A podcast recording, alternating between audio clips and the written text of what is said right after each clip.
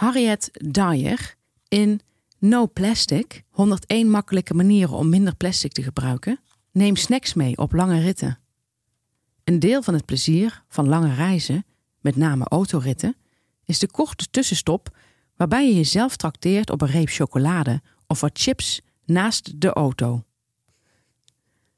Alleen een plasstop is misschien niet zo leuk, maar het is beter om die berg plastic wikkels en doosjes van impulsaankopen te voorkomen. Milieuvriendelijk betekent natuurlijk niet dat je per se gezond moet doen.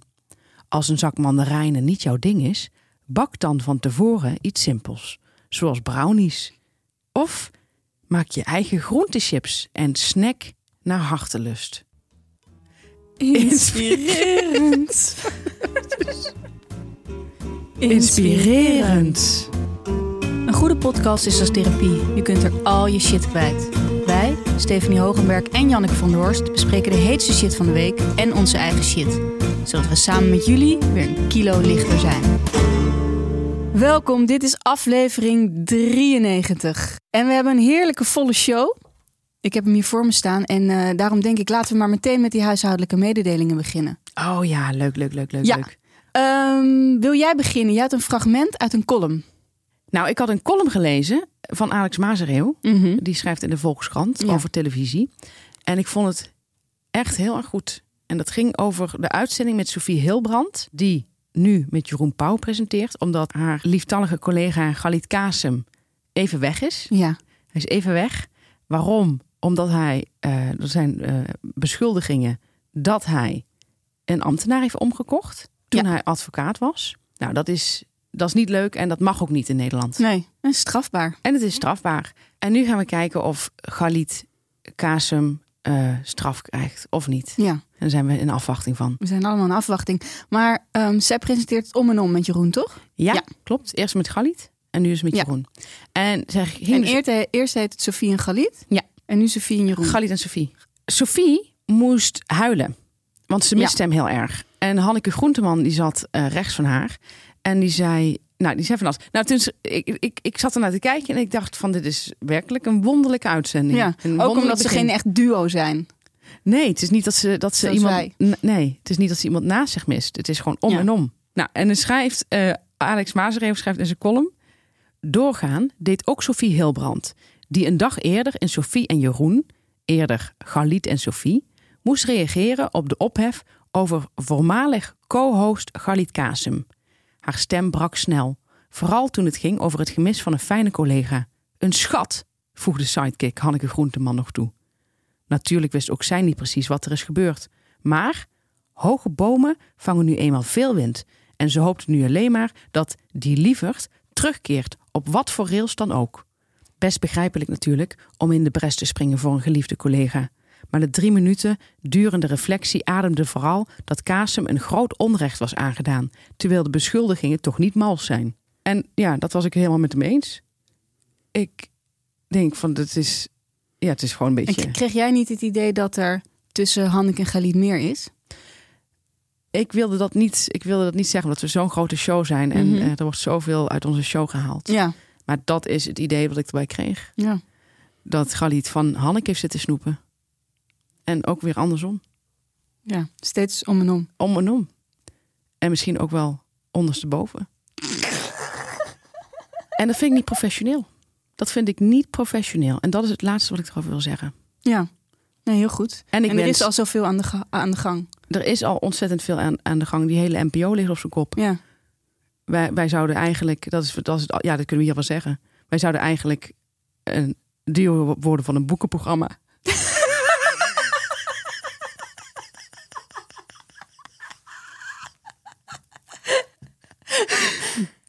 maar dat is ons afgenomen. ja. ja En- omdat ze bang waren dat... eh, Dat ook wij grenzen zouden overschrijden. Terwijl iedereen weet, iedereen die met ons heeft gewerkt. Vraag, vraag maar aan de vorige podcast-eigenaar. ja, Het is hartstikke leuk om met ons te werken. En Wat ik heel knap vind, en als ik dan, ja, dat is een beetje gek om een compliment aan jezelf te maken, maar soms moet het, omdat er niemand anders het doet. Ehm, wij zijn niet bitter. Nee. Wij worden hier niet bitter van. En dat vind ik zo knap. Wij Ja. blijven zuiver in het hart. Ja. En overal eigenlijk wordt blijven we zuiver. Nou, dan gaan we over van deze toch wel serieuze materie Ja. naar iets anders. Een tijd geleden, denk twee afleveringen als ik het goed heb, maar jij bent daar beter in. Had ik het over de neus, dat iemand in mijn neus beet. Ja, klopt. Dus twee afleveringen geleden. Ja? Ja. Toen zei ik, ik wist niet of dat een erogene zone was, de neus. Ja. Toen stuurde een vriendin mij die toevallig, eh, Onze show luisteren. Ik Ja. hoop het niet, toevallig. ja, en toevallig zich bezighoudt met de neus. Die stuurde mij het volgende. Het gaat over iemand, het, heeft, het gaat een boek over ademhaling. En iemand heeft er allemaal onderzoek naar gedaan. De binnenkant van de neus, zo bleek, is bekleed met zwellichaampjes. Oftewel erectief weefsel. Meen je niet? Dat eveneens aanwezig is in de penis, clitoris en de tepels. Neuzen krijgen erecties. Dit is echt... Ook zij kunnen binnen een paar seconden vollopen met bloed en groot en stijf worden. Dat komt doordat de neus inniger met de genitaliën is verbonden dan enig ander orgaan. En dus bij opwinding op vergelijkbare wijze reageert. Ik denk meteen aan John van de Heuvel. Ja? Ja, die heeft een enorme penisneus. Oké, nou ik ga even verder, ja? Ja. Dan gaan we het er nog even over hebben. Bij sommige mensen brengt alleen al de gedachte aan seks zulke hevige nasale erecties teweeg dat ze moeite krijgen met ademhalen en onbedwingbaar beginnen te niezen. Een lastige aandoening die honeymoon rhinitis, letterlijk witte broodsweken snotteren wordt genoemd. Wanneer de seksuele opwinding afneemt en het erectiele weefsel slap wordt, keert ook de neus weer terug naar zijn normale staat. Ik vind het een gek verhaal. Ik vind het ook een heel gek verhaal. Ik wist dit ook niet. Ik snot er wel veel. Ja, je snot het heel veel, Ja. ja. en nu begrijp ik ook waarom je dus bij zo'n workshop voor sextoys zo'n eh, vibrator tegen je neus moet houden. Ja, Het begint nu allemaal een beetje ergens te vallen of zo, maar het is nog niet helemaal geland. nee. Nou, het wordt tijd dat hier, iemand hier een non-fictieboek over schrijft. Heb, je, heb jij hier ooit wel eens wat van gemerkt? Nee, ik weet alleen nu waar het spreekwoord... je neus in andermans zaken steken vandaan komt. Het is toch heel raar? Ja, het is wel raar, ja. Maar ik vind dus bij sommige mensen... die hebben een neus en die lijkt op een penis. Mhm. Is je dat al eens opgevallen? Nee. Is jou nog nooit opgevallen? Nee. Hoe kan dat nou weer? Ben ik weer de enige die dat ziet? Ja. Nou ja, wat ik al zei. Maar veel mannen hebben het. Weer helemaal iets nieuws eh, wat we allemaal leren.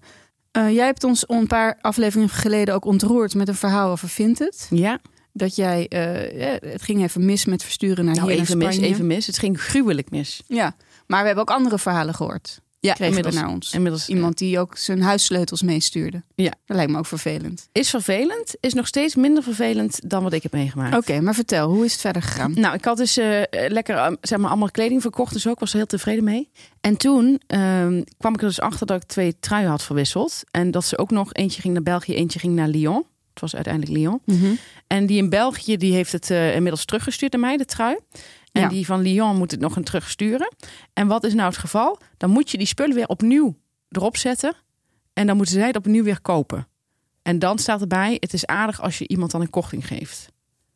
Dus dat is, dat is wat er aan de hand is nu. Ja, dus het kost je uiteindelijk heel, best wel wat geld. Want En elke vooral- keer die verzendkosten moet je ook betalen. Ja, dat moet ik betalen, maar het is vooral het, is vooral het werk. Ja, Het, het het is vreselijk. Ik moest namelijk voor, ik had vier pakketten op één dag verstuurd en die had ik lekker. Eentje moest naar Homer, eentje moest naar DPD. En, en die zitten helemaal niet meer bij elkaar. Het is Nee. niet meer één postkantoor met al die dingen bij elkaar. Je moet echt naar vier verschillende plekken.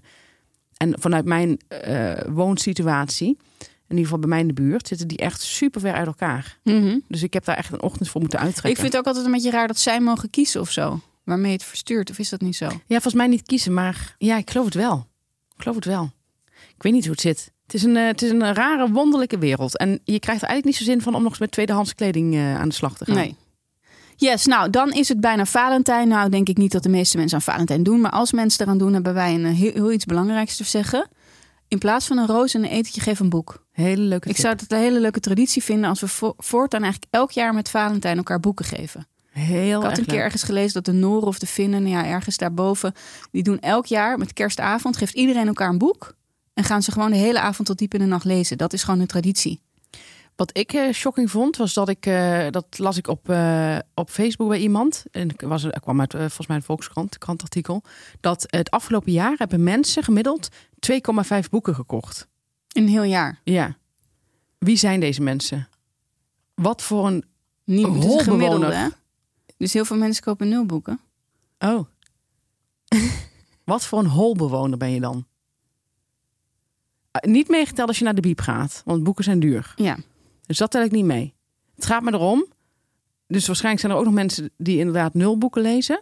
Maar 2,5 boek gemiddeld vind ik echt shocking. Ja, ik denk dat heel veel mensen gewoon geen boeken kopen. Helemaal niet. Als je denkt van een 18-jarige, eh, die doen, doen, doen iedereen, doen alle inwoners mee Ja, aan het onderzoek. Dus Ja. dan heb je ook baby's en zo. Dus heel veel mensen kopen nul boeken. Ja. En dan zijn er en dan de rest tien of zo. Nou, dan kom je ongeveer op 2,5 denk ik. Ik vind het doodeng. Ik vind het echt eng. Ja.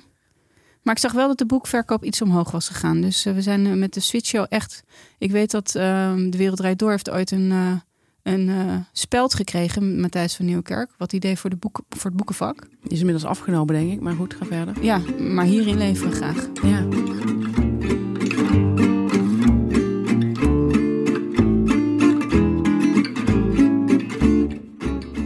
We zijn bij de shit van de week. En Stef, wat is jouw shit? Jan, ik erger me zo. Waar erger jij je aan? Ik erg me aan iets waar jij je ook aan ergert. Dat Ja. weet ik. En ik wil het graag bespreken met jou hier. Zodat ik in het dagelijks leven daar een beetje uit die ergernis kan komen. Oké, Wat mij ik opvalt, hoop dat dat gaat lukken. wat al heel lang aan de gang is, is dat mensen eh non-fictie lezen. Ja. En dan heb je twee soorten. Je hebt eh, mensen die het liefste het ene zelfhulpboek na het andere verslinden. En je hebt mensen die non-fictie lezen over geschiedenis. Ja, Of over- biografieën. Biografieën. Ja. Ja. en in die zelfhulpboeken zitten er ook heel veel boeken waarvan zij niet direct zouden zeggen dat het een zelfhulpboek is. Dat is Gewoon zeg een heel goed. boek, goed boek over een bepaald psychisch onderwerp bijvoorbeeld. Dus bijvoorbeeld eh, wat, eh, eh, wat boeken zijn. Die, ik, heb, er- ik heb er even wat opgeschreven. Mhm. Die nu spelen. Nou ja, iedereen kent De meeste mensen deugen. Ja. Hè, dat leert eigenlijk hoe je jezelf moet laten bedotten. Dat als je nog nooit beroofd bent of, of bedrogen of bestolen, dat je dan eigenlijk te goed van vertrouwen bent. En eh, da- dat is eigenlijk een heel dik boek om, om dat duidelijk te maken. Ja, Laat je af en toe eens bedriegen. oké. Nou, ik, ik ken iemand die heeft er echt heel veel aan gehad. Die vond dat een fantastisch inzicht. Dan heb je nog het boek Atomic Habits. Heb ik van gehoord? Dan heb je De Fontein, heel populair boek momenteel. Gaat over familieopstelling. Ja. Gaat erover dat iedereen in de familie op de juiste plek moet staan. Dan heb je ook een heel populair boek, onder andere populair gemaakt door Bas Smit. De logica van geluk. Oh ja. Vinden mensen een geweldig boek. Geweldig. Dan heb je Omringd door idioten. Dan heb je Choosing Me. Het leven dat jou past. Kleine trauma's. En dat was het. Ja. Dat waren even de boeken die ik heb opgeschreven. Ja, en dan is er ook nog eentje, eh, ook heel populair, De Edelijke Kunst. Oh ja, De Edelijke Kunst van Not Giving a Fuck. oh ja. Is er ook één. Ja, die heb ik gelezen toevallig. Ja? Ja. Zeven jaar geleden las ik in het Engels The Art of Not Giving a Fuck. Ja. Super mooie titel. Ik moet zeggen, ik weet nog dat ik het een lekker boek vond om te lezen. Er stonden leuke voorbeeldjes in. En eh, ook wel dat je denkt, oh ja, herkenbare situaties. Maar wat mijn hele probleem is met dit soort boeken. Je hebt het uit, je slaat het dicht. Je denkt er nog een dag aan terug. Ik heb geen enkel idee meer hoe ik dat op mijn eigen situaties moet toepassen. Geen Ja. enkel idee. En dat is met al deze boeken. Het beklijft niet. Het is gewoon een soort junkfood. Ja. Ja, wat mij er dus echt het meeste aan stoort, is eh, niet per se dat mensen zulke boeken pakken. Want iedereen heeft wel zo'n moment in het leven dat je denkt, oh, dit kan ik wel even gebruiken. Zeker weten. En er ja. staan, en ze zijn niet altijd slecht. Nee. Alleen mensen die alleen maar dit soort boeken lezen Ja. en die mij dan dit soort boeken gaan tippen. Oh, doen ze dat? En dat vind ik heel vervelend. Het is ook een boek dat je het gek is om een cadeau te krijgen, bijvoorbeeld. Oh, daar heb ik ook nog een ding over, ja. Ik heb dus ook een keer gehad dat een vriendin tegen mij zei... en ik herkende toen nog niet ook de voorkanten. Nu, ik inmiddels kan ik zien aan de voorkant een beetje wanneer het zelfhulp is of niet. Ja. Maar toen herkende ik dat nog niet. Was zeven jaar geleden of zo. En toen zei ze tegen mij, er komt binnenkort een boek op de markt. Moest ik pre-orderen. En dat is echt iets voor jou. Oké. En ik dacht echt, wat leuk, wat lief. Dus ik heb dat toen besteld. Nou, ik heb, dat kwam toen binnen. Toen bleek dat dus een zelfhulpboek te zijn. Van iemand die een Vietnamese vliegtuigramp heeft overleefd. Vietnamees, toch? van iemand die een Vietnamese vliegtuigramp heeft overleefd. En ik ben er nog steeds tot de dag van vandaag. Ik heb het op mijn kantoor liggen, namelijk zoiets wil ik niet in mijn huis hebben. Ben ik er gefukt over. En ik heb echt een paar keer overwogen om het terug te geven met de verjaardag. Want ik heb het ook, dus die ziet er nog helemaal als nieuw uit. ik denk van, hoe kom je erbij om dit, mij dit cadeau te doen? Of nee, Ja. niet cadeau te doen. Dat is het ergste. Ik moest zelf kopen. Dat heb ik ook nog gedaan. Maar hoe kom je erbij? Ja, wat ik er ook, ik vind ook een soort van arrogant bemoeizucht. Extreem. Dat jij weet wat iemands problemen precies zijn. Ja. Gewoon. En dat jij daar wel even een boek voor hebt wat het allemaal even gaat omgooien. Ja, eh, ik kom, ik, kom, ik, hier kom ik echt niet over uit. Ja, en ik ken heel veel mensen die allemaal dit soort boeken lezen. En als ze dan fictie lezen, is het bijvoorbeeld De Keuze. Wat ik trouwens ook een goed boek vond, daar gaat het niet om. Ken ik helemaal niet. Of De Alchemist, Oh ja, weet je wel? Ja. Ach, leef je eigen leven, kies je eigen pad. ja, prachtig. Het is allemaal niet slecht als je dat leest, want dat is niet ons ding. Maar als dat jouw boekenplank is, met Ja. alleen maar dit soort boeken, Ja, moet je niet bij mij aankomen. Over dat jij een lezer bent. En ze doen alsof ze juist eh, iets willen leren, ja, maar iets over zichzelf. ja. Ik een zelfhulpboek aan iemand cadeau doen Ja. dat je zelf niet hebt gelezen. Dat is het allerergste. Ja. Dat is het allerergste. Als ik al een zelfhulpboek aan iemand cadeau zou doen, dan is dat een boek dat ik zelf heb gelezen waar ik echt heel veel aan heb gehad. Ja. Eigenlijk merk ik altijd voor de, van deze mensen, is dat goede literatuur, als ze iets van literatuur lezen, moet het eigenlijk ook een soort zelfhulp zijn. Dus zoals De Keuze of eh, De Alchemist of zo. Ja, of een beetje moeilijk. Ze willen iets moeilijks lezen, Ja. want daar halen ze dan dingen uit. Ja, ze. maar dat mag niet ontregelen. Het mag eigenlijk geen vragen oproepen, ze willen antwoorden. Ja. En eh, in zo'n boek mag een mens wel slecht zijn, maar het moet altijd goed eindigen. Ja. Want ze zoeken geen verhaal, ze zoeken zichzelf. Ja. En ze zoeken een verlossing. Ja, En tegen die mensen wil ik zeggen, als jij eh, verlossing zoekt, lees gewoon een heilig boek. Ja. Denk aan de Koran, de Bijbel, de Torah. En val ons niet lastig met je zogenaamde mooie kutboeken, die vaak stilistisch ook niet zo goed zijn trouwens, die je hebt gelezen, terwijl je mijn adviezen voor boeken niet opvolgt of mijn boeken die ik cadeau doe, niet leest. Ja. En dan mij iets gaan vertellen over een boek. Met je, met je boekenplankje met eh, Rutger Bregman en eh, al die andere boeken die we noemden. Het zijn ook mensen die, die best wel een ogenschijnlijk opgeruimd leven leiden. Dat vind ik zo gek eraan. Ja, grappig. Eh, ja. het is allemaal, ook het huis is vrij overzichtelijk. Er is weinig rommel. Maar dan hebben dan wel allemaal dit soort boeken nodig. Dan denk ik van, er is er toch in de bovenkamer een groot gemis. Ja. En wat ik denk dat het gemis is, is een, een goed verhaal. Iets dat jou meeneemt. Ja. Ik heb het ook bij En dat iets ontregelt. Dus dat je een verhaal leest waar het niet goed misschien afloopt. Of waar mensen geen oplossing vinden voor hun kut leven. Ja, dat heb je gewoon. Dat hoort ook bij het leven. Ja, maar dat kennen ze niet. Nee. Het leven is maakbaar. Zij denken dus ook dat ze. Ja, ik vind het ook zo fascinerend. Als je dan mensen vraagt wat ze dan daaruit hebben geleerd, dan zeggen ze iets.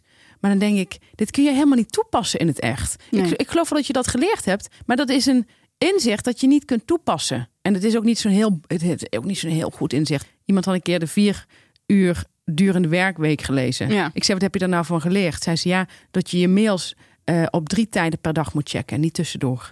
Ja. En wat je met dit soort boeken vaak hebt. Als je dan zo'n stuk erover leest in de krant. Dan ben je eigenlijk al klaar. Er Ja. staat vaak al alles in. Ja, en wat ik ook zo grappig vind, of nou niet, vind ik helemaal niet grappig, laat ik dat woord vooral niet, niet, niet zo besmetten, is dat eh, mensen worden hier ook een tandje dommer van. Ze, gaan, ze kunnen minder goed nadenken door zo'n boek, omdat het allemaal zo is voorgekoud. Ja. Ze hoeven zelf niks meer te doen, denken ze. En dan krijg je dus dat ik bij mijn boek, waar, waarin ik schrijf van ja, ik heb een boek over vriendschappen geschreven, zie je in, bij slechte recensies zijn mensen heel vaak boos dat ik geen inzicht verschaf. Oh ja, dat je niet zo staat. Dit is een vriendschap. Dit zijn de drie dingen waar valkuilen. Dat het niet ook met puntsgewijs. Ja, Met hoofdstukjes die elkaar opvolgen. dus wat, ik bij, wat je bij een boek moet doen, als je echt iedereen tevreden wil houden, is puntsgewijs per, Ja. per hoofdstuk samenvatten wat je eruit zou kunnen halen. En hoe je dat dan eh, op je eigen leven moet toepassen. En ik vind het ook, ik zou zo'n recensie nooit achterlaten, want het geeft je, je, je, je oppervlakkigheid zo Ja, weer. het komt juist over alsof je echt. En ook boos zijn. Ja. Eén ster. Ze, het boek geeft geen inzicht. Nou ja, en ik denk ook altijd, en dat is nog steeds een grote misvatting. Kijk, bij mannen, dat vind ik ook wel jammer aan mannen, is dat die gaan dus ook vaak die non-fictie kant op, maar dan niet per se de zelfhulpboeken, maar een beetje meer hè, de, Ja, de geschiedenis en de biografie en zo, biografieën. ja. En dat vind ik, eh, dat vind ik oké, dat mag er zijn, maar ik vind het van mannen ook wel jammer dat ze ook geen romans lezen. Ja. Oh, eh, even- zeker met de leeftijd, hè? met dat testosteron. eh, Autisme, Ja. ja. Even generaliserend, hè? dat Ja. is een disclaimer die ik er even bij, eh, bij doe. Omdat anders mensen, sommige mensen misschien niet, niet, niet begrijpen. Wat ik er wel jammer aan vind, is dat ik toch een beetje het idee heb dat er nog steeds heel veel, echt een grote misvatting over een roman bestaat. En ik denk Ja. dus dat sommige mensen nog steeds denken dat een roman bijvoorbeeld voor romantiek staat. dat ze dan een liefdesverhaal krijgen. Dat denk ik echt. Eh, Want ik, ik heb het idee dat het onderwijs is zo slecht tegenwoordig dat mensen Ja. dit niet meer snappen. En wat ik ook denk, en dat geldt zowel voor mannen als de zelfhulpboekencategorie, is dat mensen niet begrijpen dat een roman je niet alleen meeneemt als het goed geschreven is, als het een goede roman is, eh, in, een, in een mooi goed verhaal. Waarvan je denkt, ik wil echt graag verder lezen. Er wacht thuis lekker een verhaal op mij. Maar dat ze ook niet begrijpen dat er in dat verhaal gewoon gaandeweg leer je dingen. Zegt Ja. het personage iets over een ander waarvan je denkt, oh die situatie ken ik, dat ken ik. En dan kun je dat dus benoemen als je dat in het echte leven ziet. Ja. En dat snappen ze niet. Die Nee. link kunnen ze Ik niet heb meer maken. geleerd uit romans en uit zelfhulpboeken. Ik Zinnetjes die echt- ik overneem uit boeken. Die precies, precies dat zeggen. Vorige week had ik nog in een boek dat iemand zei dat haar moeder, de, de, de hoofdpersoon zei dat, dat haar moeder zo ongelooflijk blij was met haar zwangerschap van, de, van haar dochter. Dat ze echt eh, alles ging kopen en dit soort dingen. En dat haar schoonmoeder zei: Ik ben zo blij voor jullie. En, en toen zei ze: Ik vond mijn moeders reactie leuker. Die was echt helemaal, die vond het voor zichzelf helemaal geweldig. En dat vond ze heel leuk. En toen zei ze: Maar dat komt omdat mijn schoonmoeder een identiteit heeft. En eh, mijn, echt, mijn, mijn moeder niet. Mijn moeder leeft voor mij. Ja. Mijn moeder leeft via mij. Zij heeft geen hobby's. Het is iemand die eh, ja, vrij simpel denkt. En daarom is ze zo blij voor mij. En, en ze zei, en mijn schoonmoeder reageerde eigenlijk gezonder. Vond ze wel minder leuk. Mhm. Maar ze zei, die houdt echt van paardrijden. En eh, die heeft nog allemaal, eh, die doet nog allemaal dingen. Die gaat naar, en die heeft een boekenclub en zo. En dus is die vrouw minder afhankelijk van het krijgen van een kleinkind. Dat vindt ze gewoon leuk op een gezonde manier. Ja. En toen dacht ik, dat vond ik dus ook een inzicht. Ja. Want dat vond ik heel goed gezegd, dat het met identiteit te maken heeft. Ik heb gelukkig zelf helemaal niet zulke ouders. Maar je hebt van die ouders die echt zitten te wachten tot hun kleinkinderen komen. Dat, dat, Ja, hun, dat ja. hun kinderen Ja. een kleinkind gaan maken. Ja. En toen dacht ik, dat is Zo dus weer een inzicht. Zo sick. Oh ja? Nou ja, lijkt me echt heel leuk om oma te zijn. Nou, dat mag ook, hè Jan? dat mag ook. Maar het heeft dus wel met identiteit te maken. Ja. Maar dat vond ik echt een inzicht. Nee, ik dacht, goed. ja, daar heeft het mee te maken. Dat vind ik ook hele goeie. Ik ken ook die mensen. En hetzelfde geldt voor kinderen krijgen. Hè? Er zijn Ja, mensen die... ja. Daar, daar moet leegte Tuurlijk. gevuld worden. Je Ja. kunt, de meeste mensen hebben kinderwens. eh merendeel. Alleen bij sommige mensen weet je gewoon... het moet iets gaan opvullen. Eh, het moet zingeving brengen. Maar ik, ik, dat is, dat is niet, verder niet een oordeel. Maar het is wel een beetje van... ehm, ja, het heeft vaak met zingeving te maken. De meeste mensen weten anders niet wat ze moeten doen. En zo heb ik heel veel wijsheden. Nee, precies. En die haal je allemaal uit boeken. Ja. Het zit in zinnetjes. Het zit in, in scherpe observaties. Wat ik ook denk dat mensen niet altijd beseffen. Ze denken dat een schrijver, als hij een roman heeft geschreven, dat hij die roman dan helemaal verzonnen heeft. Het kan, maar het is zelden, zelden zo. Het is vaak dat zijn eigen eh, le- leven erin is verwerkt. Ja.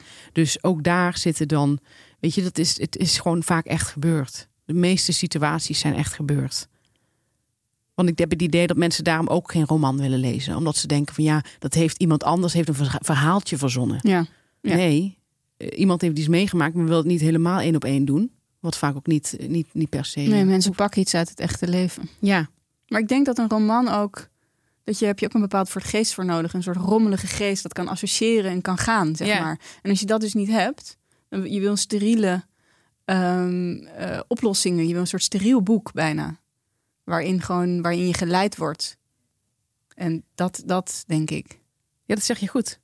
En ik vind ook, misschien wat, ik, wat me het meest irriteert, al, al- althans van mensen die naar de shitshow luisteren. En ja, ik kan me niet voorstellen, volgens mij hebben wij niet heel veel mensen die echt zelfhulpboeken lezen. Dat idee, In dat, ieder geval niet alleen, nogmaals. Nee. Als je een keertje zo'n boek nodig hebt of interessant vindt. ja, ik, ik krijg dat idee niet, maar ik vind, ik vind het ook een beetje een belediging naar ons. Dat je onze boekentips niet zou opvolgen. Want wij hebben echt wel, wij weten echt wel wat leuk is om te Die lezen. lijst die wij gemaakt hebben... Ja, met alle tips die we hebben gegeven... staan nog niet eens allemaal op. ja. Dan denk ik, wat een lijst. Dit is echt... We gaan nog laten weten waar je hem kunt, eh, kunt terugvinden. Ja, het zou een soort verplichte boekenlijst moeten zijn. Ja. Dat hebben we weer even duidelijk gemaakt. Voor eens en voor altijd. Dan zijn we bij onze adverteerder. Yoku. Ja, weer een oude bekende. Ja, is een oude makker van Het ons. is een oude makker van ons. En het is fijn dat ze weer terugkomen, want die bacteriën eh, zijn een beetje uitgewerkt bij mij. Die hebben ook op een gegeven moment een vakantie. Welke bacteriën? De bacteriën die in hun producten zitten. Ja, misschien moeten we het even goed vertellen. Yoku maakt schoonmaakproducten. En dat zijn niet zomaar schoonmaakproducten. Het zijn eh, probiotische schoonmaakmiddelen. Wauw. Het is opgericht door Joris Jansen, Wauw. is een Belg. Lekker. En eh, hij ontdekte dat bacteriën heel goed kunnen poetsen. En hij was zelf nogal lui met schoonmaken. En hij dacht, laat de bacteriën het werk doen. Wat een openhartigheid. Zeker. En hij ging dus een, heeft een schoonmaakmiddel ge- gemaakt. Allerlei producten voor allerlei eh, dingen. Dus of je naar de wc moet schoonmaken of je moet juist de vloer schoonmaken. En het zijn dus bacteriën. En die helpen een handje mee. Dus als jij klaar bent met schoonmaken, gaan die lekker nog door. Wat een waanzinnig beleid. Ja, toch? Ja. En ik denk, zolang we die bacteriën kunnen inzetten, want op een gegeven moment zullen ze ook wel vakbonden oprichten en weet ik veel wat allemaal. Maar zolang we ze nog gewoon kunnen inzetten, die bacteriën, doen. Het scheelt ontzettend veel werk. Ja. Ik zie het helemaal voor me. Weet je dat ik het helemaal voor me zie? Ja, ik zie ze echt zo met bezempjes zo voor je en Ja, het is net lekker opeten. Ja. Ja. Vroeger had je zo'n tekenfilm over hoe het lichaam, menselijk lichaam van binnen zat. Vond ik niet fijn. Oh, vond ik dat Van Telenet of zoiets. Ja, dat leek dan net Oh, dat was naar. allemaal, zag je bacteriën en virussen. Het was en- toch altijd- alleen maar roze en rood? Ja, Die- van die eh, figuurtjes. En die gingen dan de andere figuurtjes aanvallen als je verkouden was of zo. Ik vond het heel onprettig. Maar in, Ja. in de keuken of in het schoonmaakmiddel wel prettig. Als me niet... Nee, ik vond gewoon die tekenfilm heel naar. Oh ja? Ik vond die kleur, ik vond net als Fantasia van Disneyland. Echt Te trauma's. veel kleuren. Nou, te, te weinig kleuren. Oh. Te weinig kleuren, Jan. oh. Nou, maar lekker dat die bacteriën zo ijverig zijn. Ja, en je zou het niet, niet geloven. En ik weet niet wie het geteld heeft. In elk product zitten miljarden bacteriën. En wie heeft dat geteld dan? Ja, dat weet ik dus niet. Maar iemand daar heeft dat zitten tellen. Oh, En die Belgen kunnen goed tellen. ja, dat kunnen ze goed, ja. Als ze één ding goed kunnen, Ja, is het tellen. is het tellen. En wat is nou zo ideaal aan deze schoonmaakmiddelen? Want ah, nou, ik vind gewoon dat ze er heel goed uitzien. We hebben, ik heb nu eh handzeep. een Ja. heel mooi glazen flesje. Prachtig, ja. En dan kun je dus, of je doe je zo'n tabletje in. eh, dan doe je er water bij. En dan kun je dus je handen gewoon wassen. En zou Harriet Dyer er blij mee zijn, denk je? Ik denk dat Henriette Dyer wel blij mee is. Eh, want glas, dit glas kun je gewoon voor altijd gebruiken. En elke keer kun je hem weer opnieuw gebruiken. Dus je hoeft je alleen nog maar die tabletjes te kopen. Die stop je er weer in. En heb je niet al die plastic verpakkingsmateriaal. Want daar word ik ook echt helemaal niet goed van. Al dat plastic overal. Ja. Onnodig plastic. En daar zijn zij ook heel erg tegen. Ja, en het is ideaal met kinderen Waarom? omdat veel tehuizen te steriel zijn door alle giftige schoonmaakmiddelen die we gebruiken. Zijn ook niet goed voor je luchtwegen vaak. En door die pro- probiotische eh, middelen te gebruiken, gewoon die middelen die in de natuur voorkomen, eh, is ook beter voor hun immuunsysteem. Hè, voor de weerstand. Oh, echt een boost. Ja, geeft echt een boost. En, eh, dus het is eigenlijk voor iedereen goed. De bacteriën zijn lekker bezig. Ze doen iets nuttigs. Want anders, ja, wat waren ze anders aan het doen? En wat moeten mensen doen? Ze kunnen eh, naar yoku.nl. Ik zal het even spellen voor de zekerheid. Is een Griekse I, een O, een K en een UU. Yoku. En als je daar naartoe gaat, yoku.nl, kun je met de code shitshow met een hoofdletter voor 20% kun je 20% korting krijgen op je eerste bestelling. Heerlijk. Het Inzichtje van de week. Wij kregen de vraag, eh, hoe zit het nou eigenlijk? Want jullie hebben het altijd over mannen moeten betalen, mannen dit, mannen zus. Maar niet iedereen gaat daten met een man. Nee, je hebt ook eh, lesbiennes. Ja, en ook mannen die trouwens wel met een man gaan daten, maar bijvoorbeeld zelf ook een man zijn. Ja, dat is heel ingewikkeld. Ja, dus dat kan allemaal gebeuren. En, en mijn idee is, en ik weet niet of jij erbij kan aansluiten, is dat als je nou met iemand gaat daten van hetzelfde geslacht, of iemand die non-binair is, dan is eigenlijk de regel wie het geilst is betaald. Hartstikke mooi. Dankjewel. Dan zijn we bij onze ergernis. Nou ja, het was eigenlijk eh, eh, jouw ergernis, maar ehm, het zou zomaar kunnen dat het ook een ergernis is van mij. Vertel, vertel. Ja, Jan, ik eh, was op een verjaardag en daar vertelde ik het verhaal van de huurauto. Toen ik met M onlangs naar Amerika ging. Ja, Toen hadden wij problemen met de huurauto. Ja. Dat kwam omdat ze ze op het vliegveld mijn creditcard hadden vernietigd. Dat hadden ze gevonden en toen kwamen ze in het vliegtuig zeggen: Bent u Stephanie Hogenberg? Ja. Ik dacht leuk, ze is weer een shitshow-fan. Nou, dat was niet zo. Eh, we hebben uw creditcard gevonden op Schiphol en die hebben we uit veiligheidsoverwegingen vernietigd. Nou, toen wist ik al meteen, gaan we, dan gaan we problemen krijgen met de huurauto. Dat was ook zo. Dat was echt werkelijk één van de zwaarste dagen uit mijn leven. Want da- daardoor kwam er echt een hele ketting van... ja. Even van- voor de duidelijkheid, want het is iets wat ik me nooit zou realiseren. En eh, waardoor ik ook extra zuinig op mijn creditcard zou zijn. Je kon die auto niet meekrijgen omdat jouw creditcard niet mee was. Je Precies. kon het ook niet even overzetten op een andere creditcard wat je verwacht nog. Dat hoopt. verwacht je, maar ik moest toen eh Booking.com bellen. Nou, Ja. dan zit je echt, echt helemaal aan het verkeerde adres, want daar hadden we de auto gehuurd. We hadden een hele lekkere Ford gehuurd, zo'n lekker een beetje een, een dikke wagen Mhm. voor echt 300 euro voor een week. En dan zit alles, alles erbij, de- alles erop en eraan, verzekering, alles. Maar die kregen we dus niet mee. Eh, toen heb ik naar Booking gebeld. Zeiden ze, ja, dan moet je naar Booking bellen, want daar hebben jullie die, dat, eh, dat, dat besteld. Ehm, het was, moest ik de internationale lijn bellen, want het was natuurlijk een enorm tijdsverschil.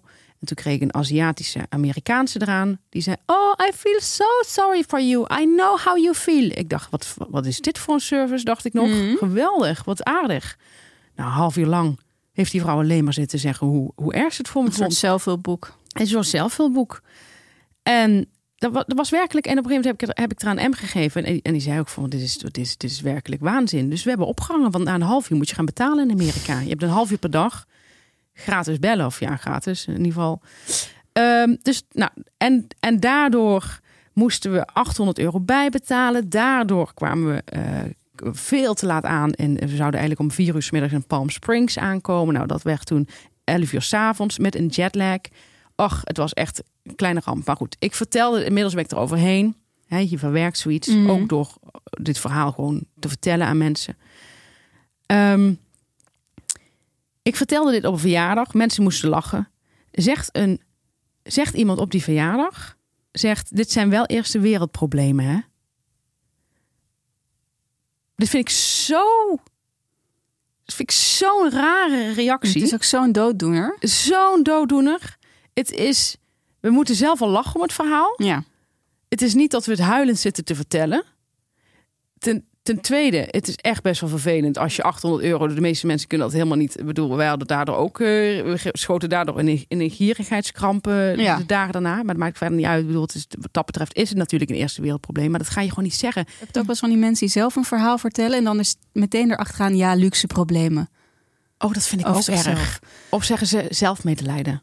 Ja, en dan denk ik, ik weet heus wel dat jij niet denkt dat Ja. dit het allerergste probleem op de wereld is. Ja, Want anders zou ik niet met je omgaan als Ja. je dat zou denken. ja. Dus dat hoef je er niet achter te zetten. Je hoeft dat niet steeds te gaan bagatelliseren of hoe noem je dat, te, te, te downplayen of zo. ja. Dit is nu even kut voor jou Ja. en ik wil daarop reageren. Maar waar moet je het anders over hebben? Ja, Moet het dan alleen maar eh, over een depressie gaan? Dat is toch gek? dat is toch ook eigenlijk een luxe probleem. Ja, Daar hebben ze in de oorlog ook geen tijd voor. nee. Hebben ze in Afrika ook niet een depressie? Nee, en je maakt een verhaal kapot.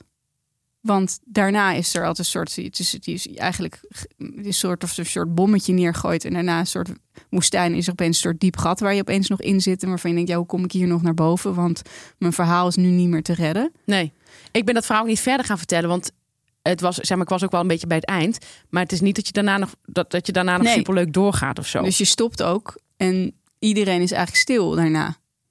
ja, In, ja, het is, het is een manier om een gesprek kapot te maken ook. En om plezier bij mensen te ontnemen. En het is ook een soort hooghartig. Ja. Om te denken dat jullie dat niet weten. ja ik ken, en ik ken ook iemand, ik vind, wat, wat ik ook een beetje in dezelfde categorie vind vallen, is, eh, ik, ik ken iemand die eh, had ruzie met een vriendin. En dat was ze mij aan het vertellen. En toen moest ze daar heel erg over huilen. Zei ze, ja, zei ze, toen, toen wuifde ze haar eigen huilen weg. Want toen zei ze, ja, het is een beetje zelfmedelijden. En toen dacht ik ook van, ik vond het bijna even, te, even irritant als dat iemand dat over mij zou zeggen Ja, omdat ik denk, het is weer zo'n soort relativering. De- van we hebben een gesprek. Een ruzie met een vriendin, of die nou wordt opgelost of niet, waarschijnlijk werd die opgelost. Is, ik, ik vind dat is gewoon gesprekstof. ja, Dat kan gewoon. Daar hoef je dan niet de relativering bij te doen dat dat zelfmedelijden is. Ja. Ik vind dat zo vervelend. ja. Want dan kunnen we alles, alles wat je bespreekt op een dag, kun je eigenlijk van tafel vegen. ja. Zelfmedelijden is Matthijs van Nieuwkerk, die op een boerderij, die in een, in een boerderij komt. En die vertelt in de krant dat eh, op een zondag eh, de, het hele dorp was uitgelopen om eh, hem te steunen. Dat is zelfmedelijden. En dat hij toe moest huilen. Ja. Dat is zelfmedelijden. Alle andere dingen, je mag gewoon huilen. Dat mag gewoon. Hoe klein ook. En je mag ook balen en iets kut vinden. Ja. God, dat moeten we toch veel uitleggen. Ja. Gelukkig zijn we nu bij de warme boodschap. Poeh, ja. Nou, ik heb een film. En ehm, ik had de film al aan jou getipt. Saltburn. Ja. Eh, hij staat op eh, Prime Video. Ik had, Ja. ik had toch wel speciaal even Prime aangezet daarvoor. Want ehm, daar zit een eh, hoofdrolspeler in. Hij heet Jacob, hoe heet hij nou? Kut, ik weet er steeds die acteurs niet. Nou, er zit een hoofdrolspeler in. En dat is gewoon een hele knappe acteur. Kan ik gewoon kort over zijn. Oké. Ja. Ja, ik heb de trailer gezien dus ik, en ik, ik denk te weten wie je bedoelt. Ja, de hoofdpersoon. En ehm, eh, ik zei al tegen jou, het is ook echt een film voor jou, want het is alles waar jij van houdt. Het is Oxford, het is eh, rijkdom, rijke studenten.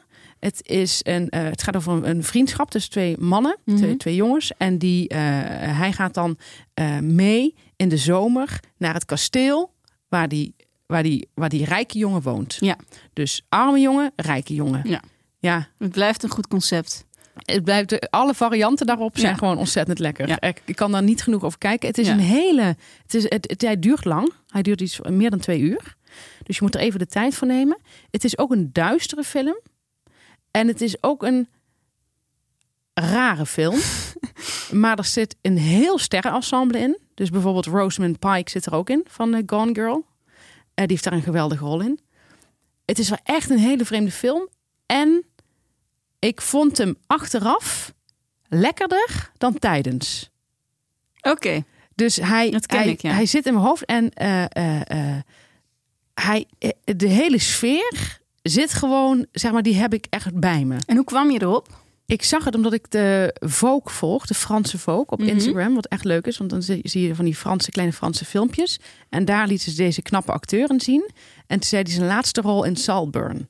En hij, hij zit ook in de serie Euphoria, wat ik ook echt een aanrader vind. Die heb ik volgens mij nooit getipt in de, in de, in de show.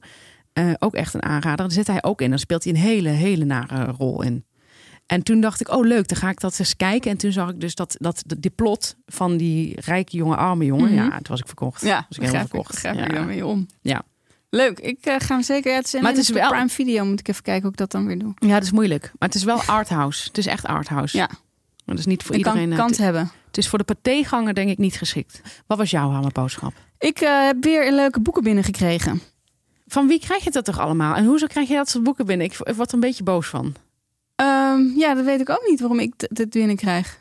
Van Oorschot. Ja, dit is van Van Oorschot. Maar eh, eh, heb, ik, ik, heb, ik heb gezegd, ik heb het idee dat ze denken, het is een dun boek. Ik heb het idee dat ze jou en mij door elkaar halen. ja, Dat ik dacht ik laatst, ook bij dat queerboek. Ik kreeg. ik kreeg laatst. Ik kreeg laatst een, eh, een pil van 500 pagina's. Ja, daar begin ik gewoon niet aan. Ja, Daar stond ik geen kaartje bij niks. Wat moet ik hier daarmee? ook niet hoor. Er stond ook geen kaartje Nee, maar het is een dun boek, dus een blader je er even in. Maar ik ga niet een boek van 500 pagina's, dan moet je wel eventjes verkopen aan me. Ja, Nou, wil ik even nog even gezegd hebben. Take it away. take, it Take away. Ja, ik, eh, het is een heel mooi boek. Ik heb twee boeken gekregen van Van Oorschot. Oh, ook nog. Het andere boek ga ik volgende week bespreken. Kan niet op. Wat niet leuk. Maar ik vind het heel fijn om boeken binnen te krijgen... Ja. die ik zelf denk ik niet zou kopen, Ja. die aanslaan. Want ik krijg ook heel vaak boeken binnen die ik niet goed vind. Ik heb wel het idee dat jij meer boeken binnenkrijgt dan ik überhaupt. Nou, ik krijg ook heel vaak boeken die ik niet zo leuk vind. Of dat ik dan even de eerste pagina en sta, sla- staat me dan niet aan. Zou misschien in een andere fase van mijn leven me wel aanstaan. Maar soms heb je gewoon geluk. Dan, dan heb je en tijd en Ja. je begint en Ja. je gaat lezen. Nou, Ja. dat had ik met dit boek. Het heet Dezelfde Maan van Dorien Dijkhuis. Met een bij op de voorkant, of niet? Een Of een, cicade. Een wat? Een cicade? Ja. Oh, die wil ik Ja. nou, wat vind ik er nou goed aan? Het is, ik vind sowieso van Oorschot geeft boeken altijd heel mooi uit. Ja. Eh, dit ziet er toch ook weer heel fijn uit. Vind ik echt dat Van Oorschot daar heel goed in is. Ik ken er eigenlijk niemand. Eh, ik ben er ook volgens mij nog nooit op een boekpresentatie geweest, wat ik me kan herinneren. Nee, klopt. In de microfoon wil ik compliment de eter in gooien voor Van Oorschot. Nou, het is een fragmentarisch boek, daar houden we allebei van. Ja. Ik hou er echt heel erg van. Het is dun. Eh, het is goed geschreven. Het is opgebouwd. eh, eh, ja, het is vol zoals eigenlijk alleen dunne boeken vol kunnen zijn. Ze zijn allemaal. Ze citeert heel veel schrijvers. Sommige vaker ook. En die denken dan juist met haar mee of juist tegen haar. Nou, wat gebeurt er? De, de ik-persoon is op een eiland en die overdenkt wat dingen. Ze heeft een tijd lang heel erg getwijfeld of ze een kind wilde. Toen wilde ze een kind. Dus uh, nou, die twijfel beschrijft ze dan uh, ook over wat het moederschap, de druk die ze voelt. Ze eigenlijk elke fase. Er zijn een paar fases waarin ze zit, zeg maar, in dat boek. Um, haalt ze dus weer dingen aan om die fase te verduidelijken of juist een beetje tegen te spreken soms ook. Ja. Maar het, het klinkt misschien nu een beetje vaag, maar het is, het is ontzettend goed. Het gaat over het, het verlangen naar een kind. Uh, over twijfelen over een kind. Het gemis van als het uh, dan niet, misschien niet doorgaat. Het gaat over levens die je had, had kunnen leven. Uh, ze komt dus veel met natuurweetjes, vooral dus over cicaden. Maar ook andere dierenweetjes waar ik nog heel veel plezier aan kan gaan beleven als ik op borrels ben of om indruk te maken op mijn eigen kinderen. Nou, de mensen kunnen hun lol niet op, denk ik. Ja, en het is dus heel dun. En ze heeft me ook weer met al haar uh, citaten op het spoor gezet van andere boeken die ik moet lezen. En dat vind ik altijd heel erg verrukkelijk. Dat je gewoon een soort hebberigheid krijgt van... oh, nu wil ik dat boek ook gaan bestellen en wil ik dat boek ook gaan kopen, zeg maar. Ik heb al één boek besteld. Uh, maar dat, uh, dat krijg je er ook van. Ik vind het ook heerlijk dat ze niet schaamt om anderen te citeren, zeg maar. Dat ze dus dat je zou kunnen denken, het is al zo'n dun boek en dan ja. heb je ook weer heel veel dingen van anderen. Ja. Nou, zo krijg ik ook een boekje wel vol. Nee, het zit super goed in elkaar en ze heeft hele leuke, goede citaten. Heel leuk. Dezelfde maan, Dorien Duikhuis. Dit was hem weer. Aflevering 93. Aflevering 93. Volgende week zijn we er weer. We hebben natuurlijk altijd een vriend van de show. Ga daar absoluut ook naartoe. Um, dit waren Stefanie Hogenberg en Janneke van der Horst. En heb je nu genoten van deze aflevering? Vind je dat wij belangrijk werk doen? Laat vijf sterren achter. Deel even een vrolijke recensie op Twitter of Instagram. Laat je volgers ook eens kennis maken met ons. Adverteren kan ook, maar dan moet je wel veel knaken hebben. Ja. Mail dan naar jeroen.streamtree.nl. En wil je nog veel meer van ons? Ga dan naar vriendvandeshow.nl en zoek dan op de shitshow. Of en volg ons op Instagram. Tot volgende week. Tot volgende week.